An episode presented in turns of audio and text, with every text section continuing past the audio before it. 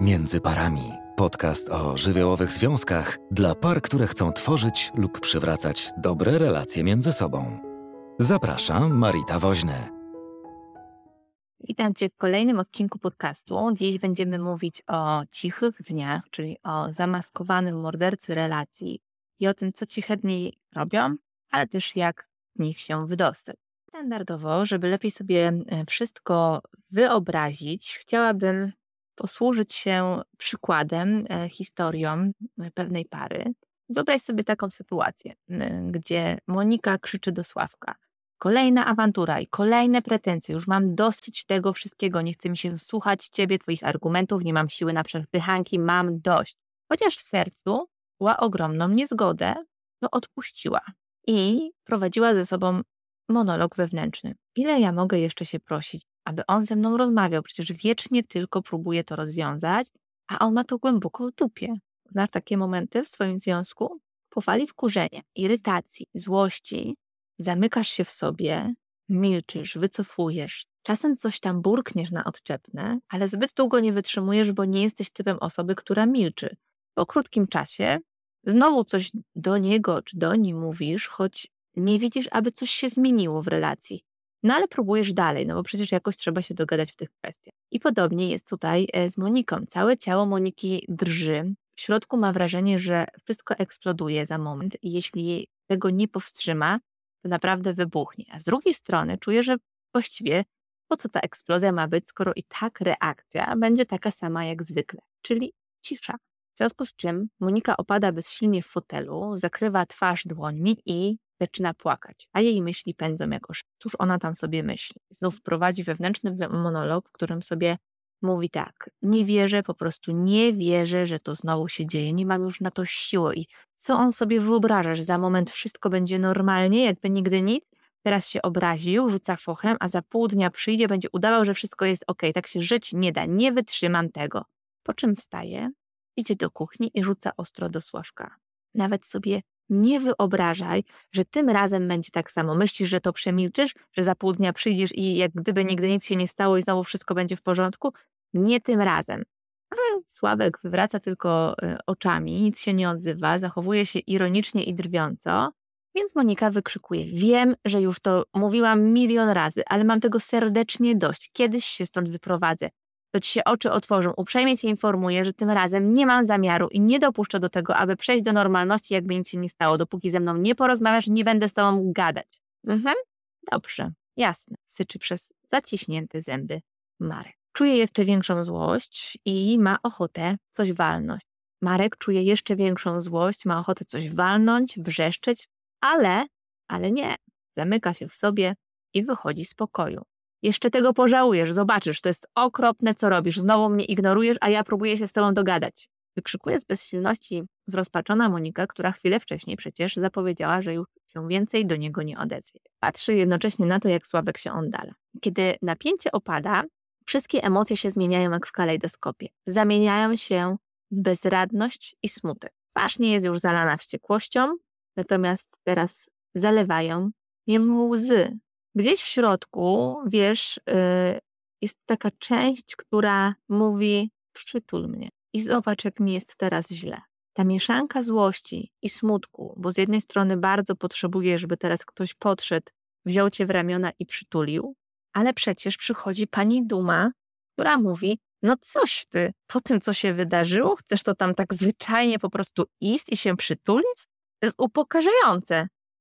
Ale tuż za nią przychodzi pani tęsknota, która szepcze tak cicho, że ledwie ją potrzebujesz. I przez chwilę myślisz sobie, okej, okay, idę i spróbuję. Po czym rezygnujesz, bo przypominasz sobie, że zaczynasz już kolejny raz i nie masz już sił. No więc jak przerwać te ciche dni? A gdyby tak wiedzieć, jak zacząć i zaprosić e, drugą osobę do rozmowy, podejść, przytulić, ja wiem, że czasami to nie jest możliwe. Jednocześnie wiem też, że są inne sposoby e, niż rzucanie się na tą głęboką wodę, czy też robienie ciągle tego samego, co nie przynosi rezultatu. Bo jedno i drugie doprowadza do destrukcji i nie sprawia, że ludzie się do siebie zbliżają. Natomiast tym razem możesz zrobić coś w związku inaczej, inaczej, ale w odpowiedni sposób, który przyniesie pozytywne efekty i pozwoli e, ci się cieszyć tym związkiem. Więc jeśli masz sobie tą gotowość, żeby się na to otworzyć, to zanim dalej będę opowiadała o aspektach cichych dni i kiedy też e, te ciche dni są karą, e, kiedy są przemocą, to już teraz chcę Cię zaprosić do bezpłatnych materiałów, e, w których będziesz mógł, mogła zaczytać się, posłuchać też, bo są tam materiały wideo, które przygotowałam, ze wskazówkami, jak pozbyć się tych cichych dni i cieszyć się związkiem. Link do tego znajdziesz y, w opisie tego podcastu. Natomiast tutaj chciałabym jeszcze zwrócić uwagę na mm, taki aspekt, że te ciche dni y, też można ustawić na takim kontinuum. Od y, takiego miejsca, w którym to są takie foszki, obrażanie się, chwilę nie rozmawiamy, no ale zakopujemy jednak problemy pod dywan i one gdzieś tam rosną, do tego, co jest na samym końcu drugiego kontinuum, czyli kiedy ktoś intencjonalnie decyduje się y, milczeć po to, żeby wywołać u kogoś przykre uczucie. W większości sytuacji jednak y, ludzie sobie nie radzą i oni po prostu y, wycofują się, bo jest im bardzo trudno albo nie czują, że są słuchani, nie czują się rozumiani, nie mają siły przebicia. Wiele różnych czynników za tym stoi i o nich opowiadałam właśnie w tych bezpłatnych materiałach, do których Ciebie zapraszam.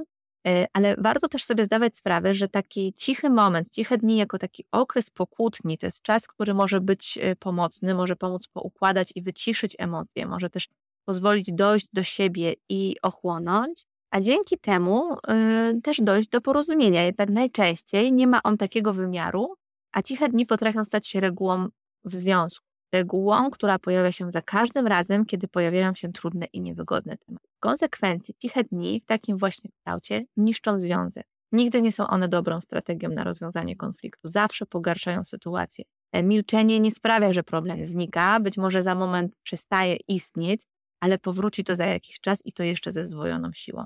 Więc co te ciche dni tak naprawdę oznaczają? Najczęściej ciche dni interpretujemy właściwie w niewłaściwy sposób bo uważamy, że druga osoba nie jest już nami zainteresowana, odrzuca nas, nie chce nas, nie, intencjonalnie chce nas ukarać. I oczywiście są takie sytuacje, jednak w większości wypadków ludzie milczą, bo y, mają swoje osobiste powody, często też związane z wcześniejszymi doświadczeniami i mają taką strategię radzenia sobie z, z napięciem, czują się niewysłuchani.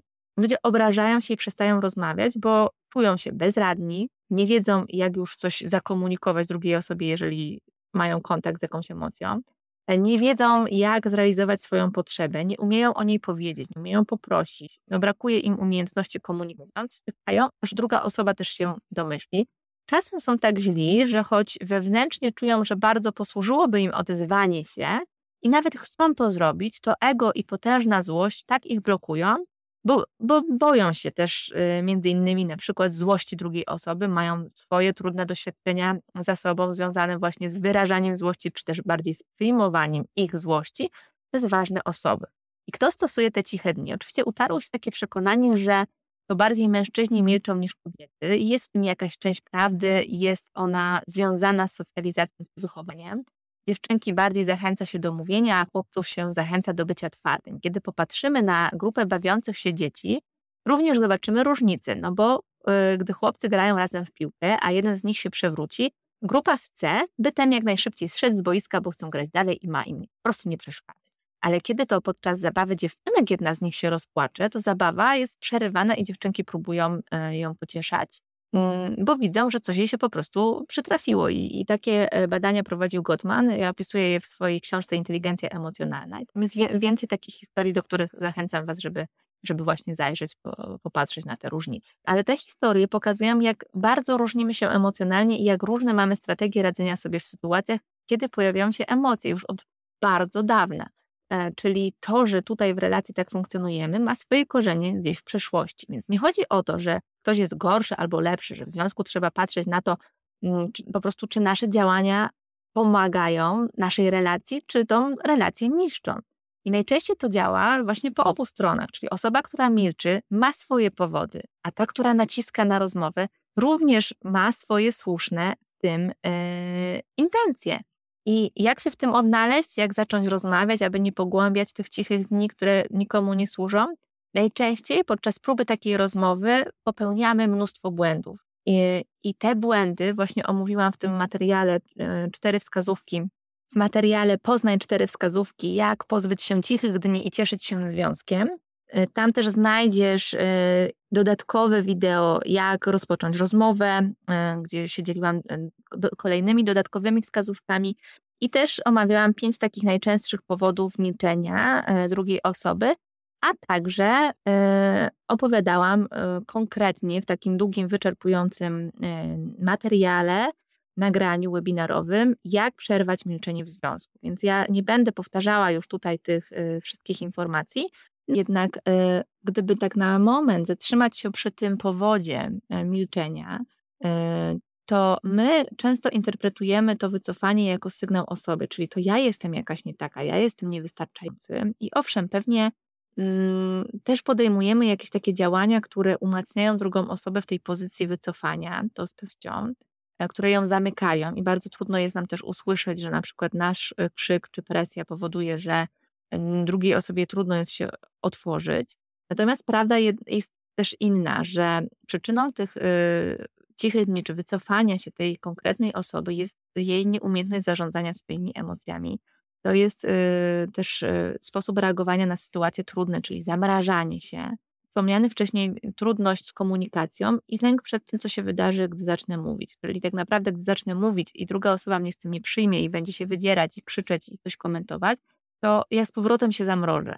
E, więc obawiając się tego konfliktu, paradoksalnie wybieramy strategię, która chwilowo, owszem, ten konflikt niweluje.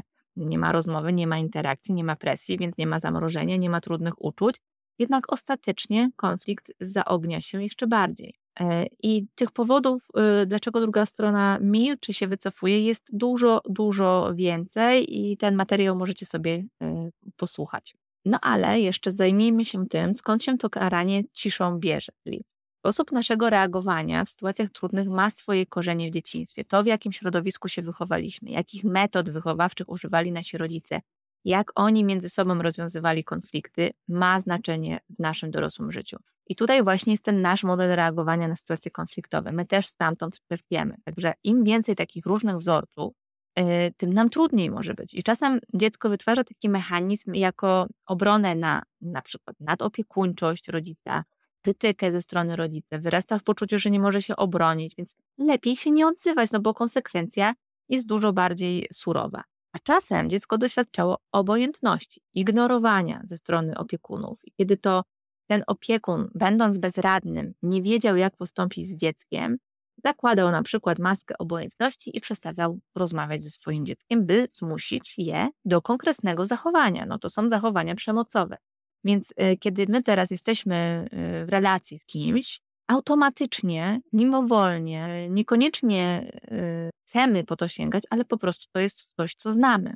Kiedy to nie jest karanie ciszą, kiedy emocje biorą górę, górę, zrobienie sobie takiej przerwy w rozmowie jest bardzo dobrym pomysłem. To jest wręcz konieczne i jedyne rozwiązanie, aby przerwać eskalujący konflikt, dlatego że nasze emocje muszą się przetoczyć, muszą się zatrzymać, muszą y, jakby ochłonąć, uspokoić się, byśmy mogli coś przemyśleć, przemyśleć to, co się właśnie wydarzyło. I to, co odróżnia dobrą ciszę od cichych dni, to fakt, że obie osoby wiedzą, na czym stoją i wszystko jest jawne. Nikt nie musi się niczego domyślać. Para nawet wysyła sobie komunikat: OK, to zróbmy sobie teraz przerwę, musimy ochłonąć, bo w ten sposób, jak rozmawiamy, to się nie dogadamy. Nikt nie musi zgadywać ani domyślać się, co się dzieje po drugiej stronie. No więc jak reagować na te e, ciche dni? Zacznę od tego, czego nie robić, no bo kiedy jedna osoba w związku się wycofuje, milczy, druga najczęściej naciska na tą rozmowę, chce sprawić i sprowokować, by ten drugi wreszcie się odezwał, wypowiedział swoje zdanie.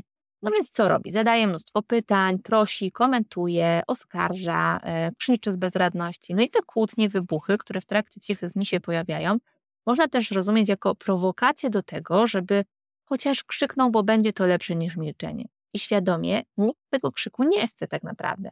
Jednak e, jesteśmy tak skonstruowani, że ignorancja i brak uwagi jest tak bardzo nie do wytrzymania, to jest tak raniące e, i poczucie odrzucenia jest tak potężne, że już lepsza jest ta negatywna uwaga, e, czyli konflikt na przykład, niż nic, niż pustka.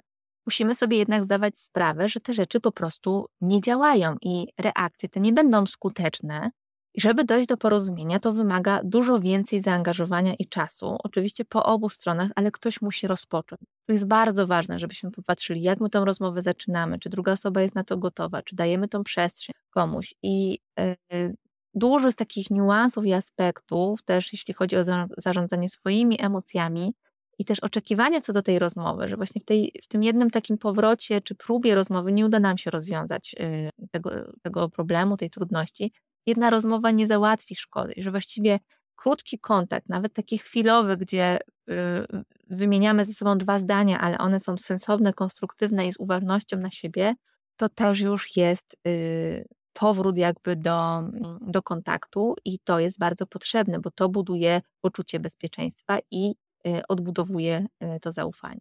I żeby przerwać to koło cichych dni, potrzebna jest taka umiejętność zrozumienia tego, co każde z nas robi, e, że w naszym związku tak jest, że w naszym e, związku przeciwnikiem są ciche dni. Czyli dokładnie tak jak słyszysz, ciche dni są przeciwnikiem, a nie druga osoba, nie partner, nie partnerka. Partner czy partnerka może potrzebować więcej czasu na ochłonięcie. Zamiast wychodzić od razu e, z grubym kalibrem rozmowy, lepiej jest sprawdzać, w jakim momencie ta osoba jest, czy, czy już jest gotowa, jak, jak to jest dla niej. Natomiast jeśli to ty się obrażasz, wycofujesz, milczysz, nie rozmawiasz, wiesz już, że to działa jak płachta na na drugą stronę. I jakby rozumiem tą potrzebę ochłonięcia, nawet powiedziałam, że ona jest potrzebna, e, nie musisz rozmawiać natychmiast, ale pamiętaj, że gdy nie czujesz, że to jest dobry moment na rozmowę, to sama informacja o tym już jest bardzo ważna. Teraz nie mogę rozmawiać. To, że deklaruję powrót do rozmowy i wracam, to też jest bardzo istotny aspekt. Y, a poza tym, jak się nie da rozmawiać o trudnych rzeczach, trzeba rozmawiać o tym, że nie da się rozmawiać. Y, a tym, czego w przerwie od rozmowy się potrzebuje, i rozmawianie o tym, to też już jest rodzaj wyjścia poza e, te ciche dni i jest powrotem do więc zostawiam te kilka refleksji do przemyśleń, a pozostałe wskazówki znajdziesz w bezpłatnych nagraniach, które dla Ciebie przygotowałam. Znajdziesz je właśnie pod nazwą Cztery wskazówki o jak pozbyć się cichych dni i cieszyć się związkiem. Zapraszam do posłuchania i do usłyszenia w kolejnym podcaście. Jeśli chcesz posłuchać innych odcinków na temat psychologii związków, zajrzyj na międzyparami.pl. Jeśli masz propozycję tematu na kolejny podcast, wyślij wiadomość przez formularz na stronie.